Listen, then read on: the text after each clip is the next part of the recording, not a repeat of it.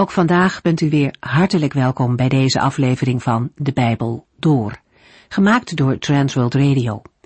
Voor meer informatie kijkt u dan op onze website transworldradio.nl. In deze serie gaat u in vijf jaar tijd met ons de Bijbel door, van Genesis 1 tot en met het laatste vers in Openbaring 22.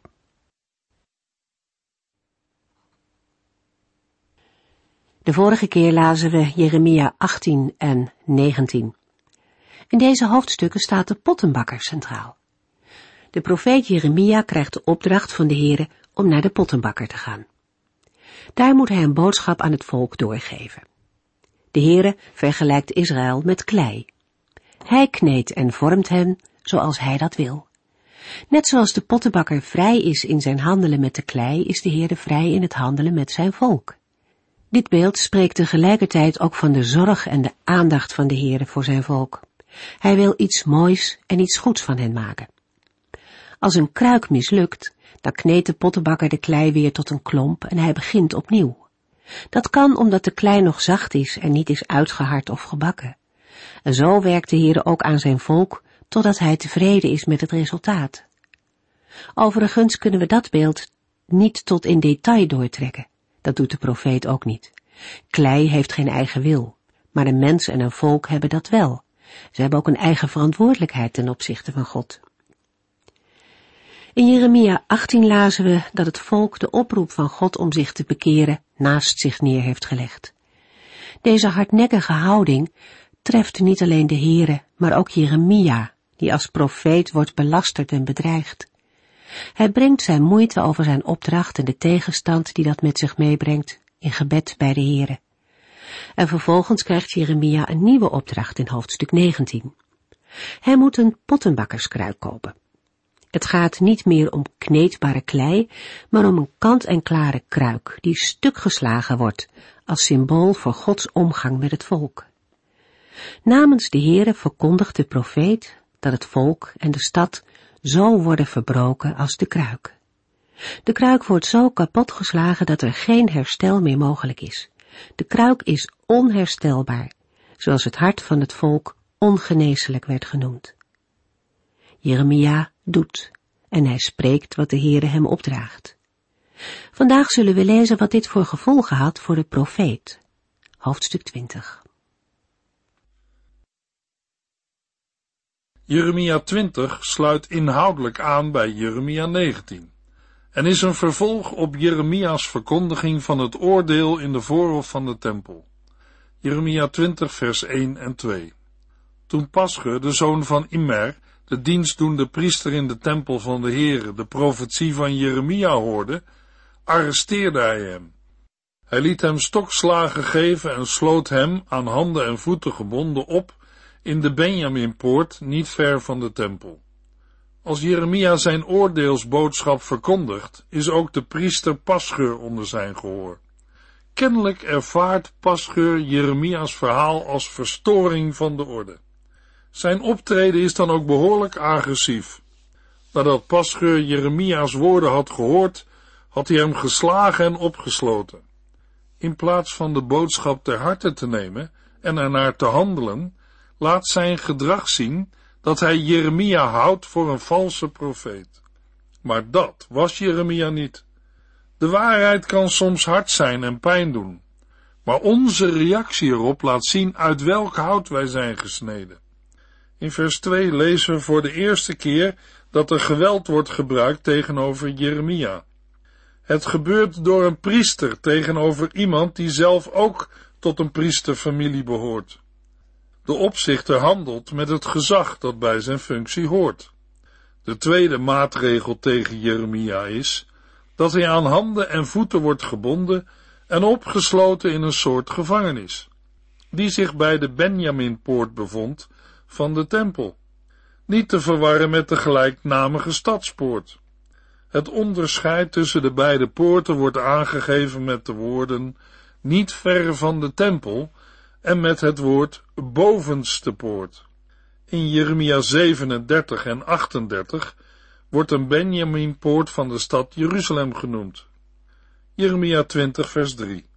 Hij liet hem daar de hele nacht zitten. De volgende dag, toen Pascheur, dat is vrijheid, hem vrijliet, zei Jeremia, Pascheur, de Heer heeft uw naam veranderd. Hij zegt dat u van nu af aan man die in angst leeft moet worden genoemd. De straf duurt een hele nacht, want pas de volgende morgen wordt Jeremia vrijgelaten. Waar het ongetwijfeld de bedoeling van Pascheur was om Jeremia het zwijgen op te leggen, blijkt nu dat de profeet zich niet bang laat maken en intimideren. Hij geeft Pascheur een nieuwe naam, man die in angst leeft, of verschrikking van rondom. De naam die de Heer hem heeft gegeven, is een oordeelsaankondiging. Overal zal schrik zijn voor de vijand, en Pascheur is daarvan in het vervolg het levende bewijs. Jeremia 20 vers 4 tot en met 6 Want de Heere zal onder u en uw vrienden paniek zaaien, en u zult hen zien sterven door het zwaard van hun vijand. Ik zal Juda uitleveren aan de koning van Babel, zegt de Heere, en hij zal de mensen als slaven wegvoeren naar Babel, of hen doden met het zwaard. Ik zal uw vijanden Jeruzalem laten plunderen. Alle waardevolle bezittingen van de stad, ook de kostbare juwelen, en het goud en zilver van uw koningen, zullen naar Babel worden meegenomen. En u, Pascheur, u en uw hele gezin zullen slaven worden in Babel en daar sterven. U en ook alle mensen tegen wie u gelogen hebt, toen u profeteerde dat alles in orde zou komen. Jeremia laat niet na om nog eens uit te leggen wat de naamsverandering te betekenen heeft. Pascheur is niet alleen een aankondiging van de schrik, maar zal zelf de schrik zijn. Hiermee wordt gewezen op de verantwoordelijkheid die hij draagt. Hij zal meemaken dat het oordeel hem en zijn vrienden bereikt. Bij vrienden moet mogelijk gedacht worden aan priesters en profeten. Hij zal zelf zien dat ze in de strijd met de vijand sneuvelen of in ballingschap worden weggevoerd. Het zwaard wijst op de oorlog die komt. De vijand wordt nu voor het eerst met name genoemd. Het is de koning van Babel. Niet alleen de bevolking zal naar Babel worden weggevoerd, maar ook de rijkdommen van Jeruzalem. De schatten die door de koningen zijn verzameld, zullen worden buitgemaakt. De dubbele opsomming van de waardevolle bezittingen en de kostbare juwelen en het goud en zilver enerzijds, en het plunderen en meenemen naar Babel anderzijds, benadrukt de intensieve manier waarop de stad zal worden leeggeroofd. Daarbij moeten we opmerken dat de woorden ik zal uw vijanden Jeruzalem laten plunderen aangeven dat het plunderen alleen kan plaatsvinden omdat de Heere zelf de rijkdommen van Jeruzalem weggeeft. In vers 6 spits Jeremia zijn woorden weer toe op Pascheur. Hij en zijn huisgenoten zullen zelf de straf op de valse profetieën die hij heeft uitgesproken ervaren. Kennelijk was Pascheur niet alleen priester, maar profiteerde hij ook. Wat hij heeft uitgesproken is niet bekend, maar dat zal ongetwijfeld in de lijn liggen van de vredesboodschap van de valse profeten. Pascheur en zijn gezin zullen onder de ballingen zijn en sterven in Babel en daar in het vreemde land begraven worden. Sterven in een onrein land was een schande. Ondanks het feit dat de wet verbiedt priesters te verwensen of te vervloeken, spreekt Jeremia hier het oordeel over Pascheur uit. De priester en profeet Pascheur kan Jeremia wel aanvallen op zijn woorden, maar hij wordt om zijn eigen woorden en daden gestraft. Op Jeremia's woorden over de vernietiging van Juda en Jeruzalem wordt heftig gereageerd. Pascheur, die als hooggeplaatste priester een vertegenwoordiger is van het volk, wil Jeremia de mond snoeren. In naam van de Heer en zijn heiligdom wordt een profeet van de Heere de mond gesnoerd. Iets dat helaas vaker voorkomt. Vergelijk de klacht van de Heer Jezus over de behandeling van de profeten in Jeruzalem. De boodschap van Pascheur was anders dan die van Jeremia. Hij verkondigde geen oordeel, maar vrede. Zijn naam wordt veranderd, want ondanks zijn voorname positie wordt er een oordeel over hem uitgesproken. Hij die vrede preekte, wordt man die in angst leeft genoemd. Hij zal het levende bewijs vormen van de waarheid van de boodschap van Jeremia. Hij zal het oordeel zien en ervaren. Mensen kunnen het recht met voeten treden, maar vroeg of laat zal de Heere zijn recht ten uitvoer brengen en iedere overtreder oordelen. Echte vrede is alleen bij Jezus Christus, de Messias, te vinden. In Jeremia 20, vers 7 tot en met 18 lezen we de vijfde persoonlijke klacht van Jeremia. Hij verwoordt sterker dan eerder de frustraties over zijn roeping en de gevolgen daarvan. De plannen waarvan Jeremia iets heeft opgevangen zijn helder. Mensen willen hem op fouten betrappen om wraak te kunnen nemen. Ondanks zijn verwijt aan de Here en ondanks de tegenstand van zijn vijanden houdt Jeremia vast aan zijn vertrouwen op God. Opnieuw komt naar voren dat de Heere toetst wat er in de mens omgaat. Jeremia noemt die wetenschap als troost voor zichzelf. Juist omdat de Heere weet wat er in het diepste van een mens omgaat, zal hij dat ook op waarde schatten en een passende beloning schenken. Vol vertrouwen weet Jeremia zich veilig bij zijn God die hij heren van de hemelse legers noemt, om zijn almacht tot uitdrukking te brengen. Hij vertrouwt zich aan hem toe en kan daarom de vergelding aan de heren overlaten, terwijl zijn vervolgers de wraak in eigen handen willen nemen. Net als Job spreekt Jeremia hier over zijn zaak. Het uitspreken van zijn vertrouwen mondt vervolgens uit in een lofzang voor de Heere. De woorden doen denken aan de lofzang van Mirjam na de verlossing uit Egypte. De Heere neemt het op voor de arme die wordt onderdrukt.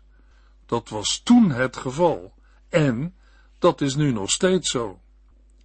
Toch drijft de moeilijke situatie het vertrouwen weer naar de achtergrond. Zozeer zelfs dat Jeremia diep wegzakt in verdriet en zijn geboortedag vervloekt alsof hij daarmee zijn roeping ongedaan kan maken. Toch blijft het niet bij een vervloeking van de dag alleen. Ook de man, die het geboortebericht aan zijn vader bracht, wordt vervloekt. Bij een bevalling waren alleen de moeder en de vrouwen die bij de bevalling hielpen aanwezig. En moest de boodschap van de geboorte aan de vader worden overgebracht. De wens die Jeremia over deze boodschapper uitspreekt, is wel bijzonder zwaar. Hij wenst hem toe te worden als Sodom en Gomorra, dat wil zeggen omgekeerd en volledig vernietigd. In tweede instantie is er de wens dat de boodschapper voortdurend lawaai hoort. Waarschijnlijk gaat het hier om het geroep en geluid van oorlog. Het is het oordeel dat heel Juda zal treffen op de dag dat het land verwoest wordt en Jeruzalem veroverd. De reden voor die vervloeking wordt nu gegeven. De boodschapper had Jeremia al voor zijn geboorte moeten doden, maar heeft dat niet gedaan. Had hij het wel gedaan, dan was de baarmoeder als het ware Jeremia's graf geweest. Hiermee drukt Jeremia zijn verlangen uit om zelfs zijn geboorte ongedaan te maken en daarmee zijn roeping te voorkomen. In vers 18 brengt de profeet voor de laatste keer zijn wanhoop onder woorden door de vraag naar het waarom van zijn leven, dat vol is van moeite en verdriet. De vraag is waarschijnlijk retorisch. Jeremia verwacht geen antwoord. Ondanks Gods belofte van Jeremia 1 vers 5 blijft het lijden hem niet bespaard. De schande die het leven van de profeet tekent, heeft alles te maken met zijn boodschap. Jeremia ziet er het nut niet van in er treedt geen verbetering op bij het volk. Het oordeel zal komen, maar tot die tijd wordt hij weggehoond. Een antwoord op zijn vraag komt er niet. Eindigt dit deel van het Bijbelboek Jeremia met een hopeloze vraag van een teleurgestelde profeet?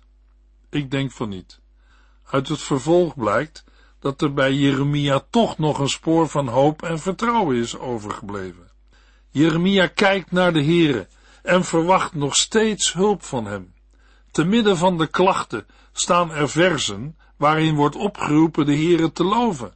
in de wetenschap dat hij recht zal spreken.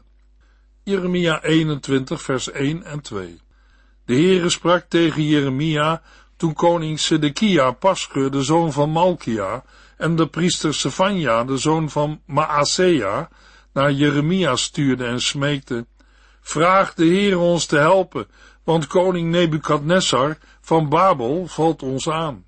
Misschien wil de Heer ons genadig zijn en een machtig wonder doen, zoals hij vroeger deed, zodat Nebukadnessar zijn troepen moet terugtrekken. Met Jeremia 21 begint er een nieuw gedeelte van het Bijbelboek Jeremia.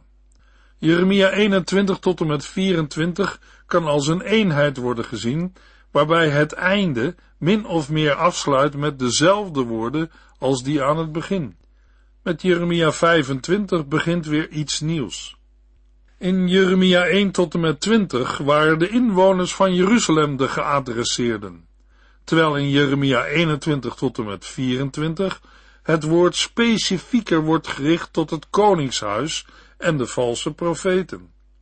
Tot nu toe stond de aanklacht tegen het volk centraal vanwege de zonden, en daarbij klonk de oproep tot bekering, terwijl vanaf Jeremia 21 het accent op de profetie en de voltrekking van het oordeel ligt. In Jeremia 21 vinden we ook voor het eerst gedateerde biografische informatie over Jeremia. Daarnaast is het ook de eerste keer dat de Babylonische koning Nebukadnessar wordt genoemd. Jeremia 21 tot en met 24 kan op de volgende manier worden ingedeeld. In Jeremia 21 vers 1 tot en met 10 lezen we over koning Sedekia en de definitieve ondergang. In Jeremia 21 vers 11 tot en met 22 vers 30 over de koningen Joachas, Joachim, Joachim en de ondergang van Jeruzalem. In Jeremia 23 vers 1 tot en met 8 volgt de belofte van een rechtvaardige koning. Jeremia 23 vers 9 tot en met 40 is gericht tegen de profeten. En in Jeremia 24 wordt het visioen van de vijgen beschreven. Daarmee wordt duidelijk dat de eenheid in Jeremia 21 tot en met 24 thematisch is opgebouwd, in plaats van chronologisch. De beschreven episode in Jeremia 21 vond plaats rond het jaar 589 voor Christus, toen de stad Jeruzalem belegerd werd door de Galdeën, nadat Sedekia als vazal in opstand tegen de Babylonische koning Nebukadnessar was gekomen. Dat was tijdens de laatste fase van de regering van Sedekia, die van 598 tot 587 voor Christus duurde, namelijk in het negende jaar van zijn regering. Hij was de laatste koning van Juda, voordat de ballingschap een einde maakte aan de machtsuitoefening van het koningshuis. In deze precaire situatie stuurde Sedekia twee mannen naar Jeremia om via hem de Heer om hulp te bidden. Maar het antwoord van de Heer is schokkend. Jeremia 21 vers 5 en 6 Ik zal zelf tegen u vechten en mijn vurige toorn op u koelen. Ik zal deze stad treffen met een verschrikkelijke pest, waardoor mens en dier zullen sterven. In plaats dat de Heere met een sterke arm zal strijden tegen Nebukadnessar, zoals eens tegen de farao, zal hij nu met een uitgestrekte hand en een sterke arm tegen zijn eigen volk Juda vechten, omdat hij boos en zeer verontwaardigd is. Jeremia zegt nog meer. Jeremia 21 vers 8. Vertel deze mensen dat de Heere zegt, maak nu uw keus tussen leven en dood. Aan het volk moet nu een andere boodschap worden gebracht, waarschijnlijk door Jeremia. De Heere houdt hen twee wegen voor, de weg naar het leven en die naar de dood. Zij die in de stad blijven, zullen sterven door het zwaard, de honger of de pest. Maar zij die de stad verlaten en naar de Galdeën overlopen, zullen het veegelijf redden. De oorzaak van dit alles is dat de Heere zijn aangezicht tegen Jeruzalem heeft gericht, en dat niet ten goede, maar ten kwade. De stad zal overgegeven worden in de hand van de koning van Babel, die haar met vuur zal verbranden. Het lot over de stad is definitief besloten. Al in 598 voor Christus, toen de Babyloniërs ook al naar Jeruzalem kwamen, kondigde Jeremia aan dat er een mogelijkheid van ontkoming was. De Heere waarschuwt keer op keer, is langmoedig en roept de mensen op tot bekering. Maar er zijn grenzen aan het verbond en er kan een einde komen aan Gods geduld. Bij onbekeerlijkheid voert de Heere het oordeel uit dat hij eerder aankondigde. Hij doet wat hij belooft, ook in zijn reactie op zonde en onbekeerlijkheid. De Heere heeft er geen behagen in, maar is wel rechtvaardig. Luisteraar, dat kan vandaag ook van toepassing zijn op de verwerping van het evangelie van Jezus Christus. In Jeremia 21 zit ook een boodschap van redding. Zij die de straf aanvaarden en zich overgeven aan de Babyloniërs, zullen het leven behouden. Maar zij die in de stad blijven, zullen omkomen. Deze woorden doen denken aan wat de Heer Jezus zei in Lucas 9, vers 24. Want wie zijn leven wil behouden, zal het verliezen. Maar wie zijn leven vanwege mij verliest, zal het behouden. Daarnaast gebruikte ook de Heer Jezus het beeld van de twee wegen. In Jeremia 21 vers 11 tot en met 14 verwoordt Jeremia de boodschap van de Heere over het koningshuis van Juda. In zijn wanhoop had koning Sedekia zich tot God om hulp gewend, maar zonder Gods waarschuwingen te erkennen of zijn zonde toe te geven. Het besluit van de Heere staat vast. Het verzoek van Sedekia wordt afgewezen.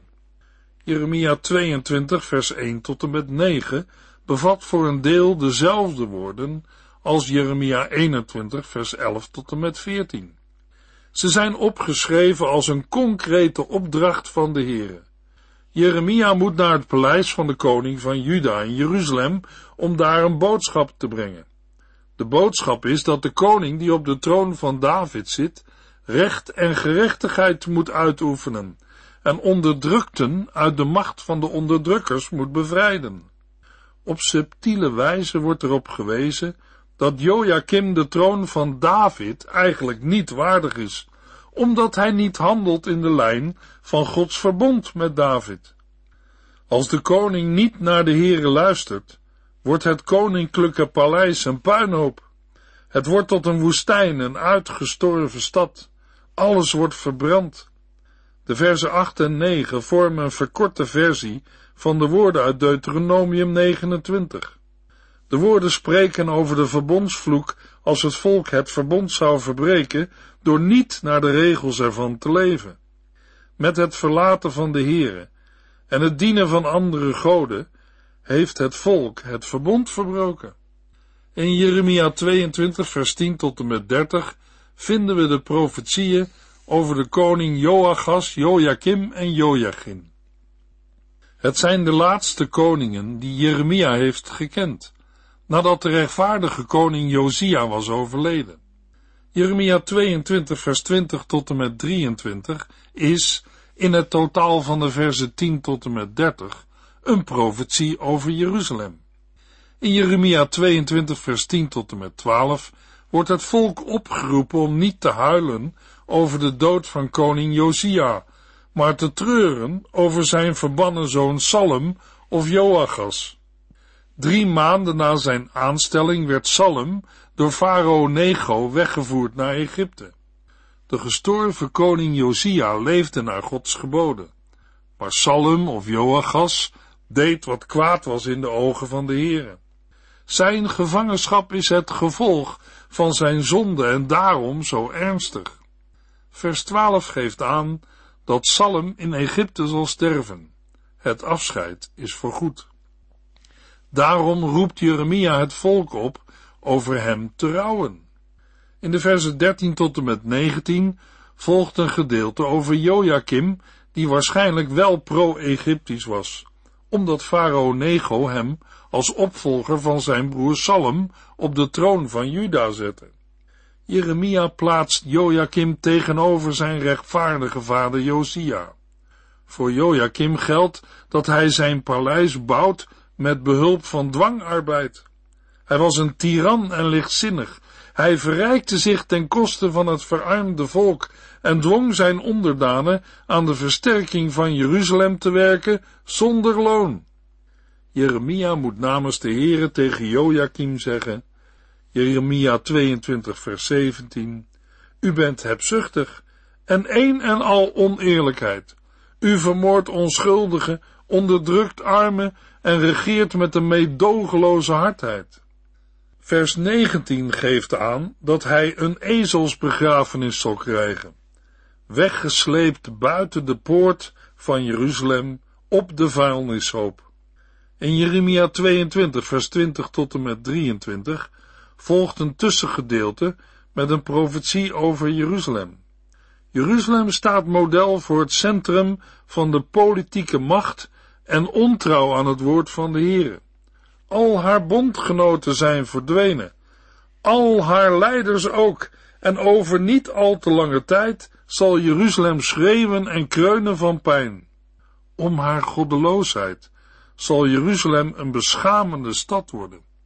In Jeremia 22 vers 24 tot en met 30 is koning Joachim aan de beurt. Hij wordt in deze verse Jegonja genoemd. Hij wordt vergeleken met een zegelring aan de rechterhand van de Heere. Maar de ring is waardeloos vanwege de ontrouw van de koning aan de Heere. Samen met zijn moeder wordt hij na drie maanden regeren weggevoerd naar Babel. Na hem kwam alleen Sedekia nog op de troon. Sedekia was een andere zoon van Josia en geen zoon van Jegonja, maar zijn oom. Ook de laatste koning van Juda, Sedekia, is in ballingschap gevoerd. Is dit het einde van het koningshuis van David? Het antwoord op die vraag wordt gegeven in Jeremia 23, vers 5 en 6. Door het oordeel heen komt er toch een vervulling van Gods beloften. Gods beloften aan David gaan door en zullen gerealiseerd worden in de Messias, Jezus Christus. In de volgende uitzending lezen we Jeremia 22 vers 13 tot en met 25 vers 14. U heeft geluisterd naar De Bijbel Door, in het Nederlands vertaald en bewerkt door Transworld Radio. Een programma waarin we in vijf jaar tijd de hele Bijbel doorgaan. Als u wilt reageren op deze uitzending of u heeft vragen, dan kunt u contact met ons opnemen. Tijdens kantooruren kunt u bellen op 0342 47 8432. 0342 47 8432. Ook kunt u een e-mail sturen naar de Bijbel door en natuurlijk kunt u ook via de post ons bereiken. TWR, postbus 371, postcode 3770, AJ in Barneveld. Dit programma werd gepresenteerd door Cor Weda en Ike André. Techniek was in handen van Odin van Voerkom. En wij allemaal bedanken u voor het luisteren. Graag tot de volgende keer.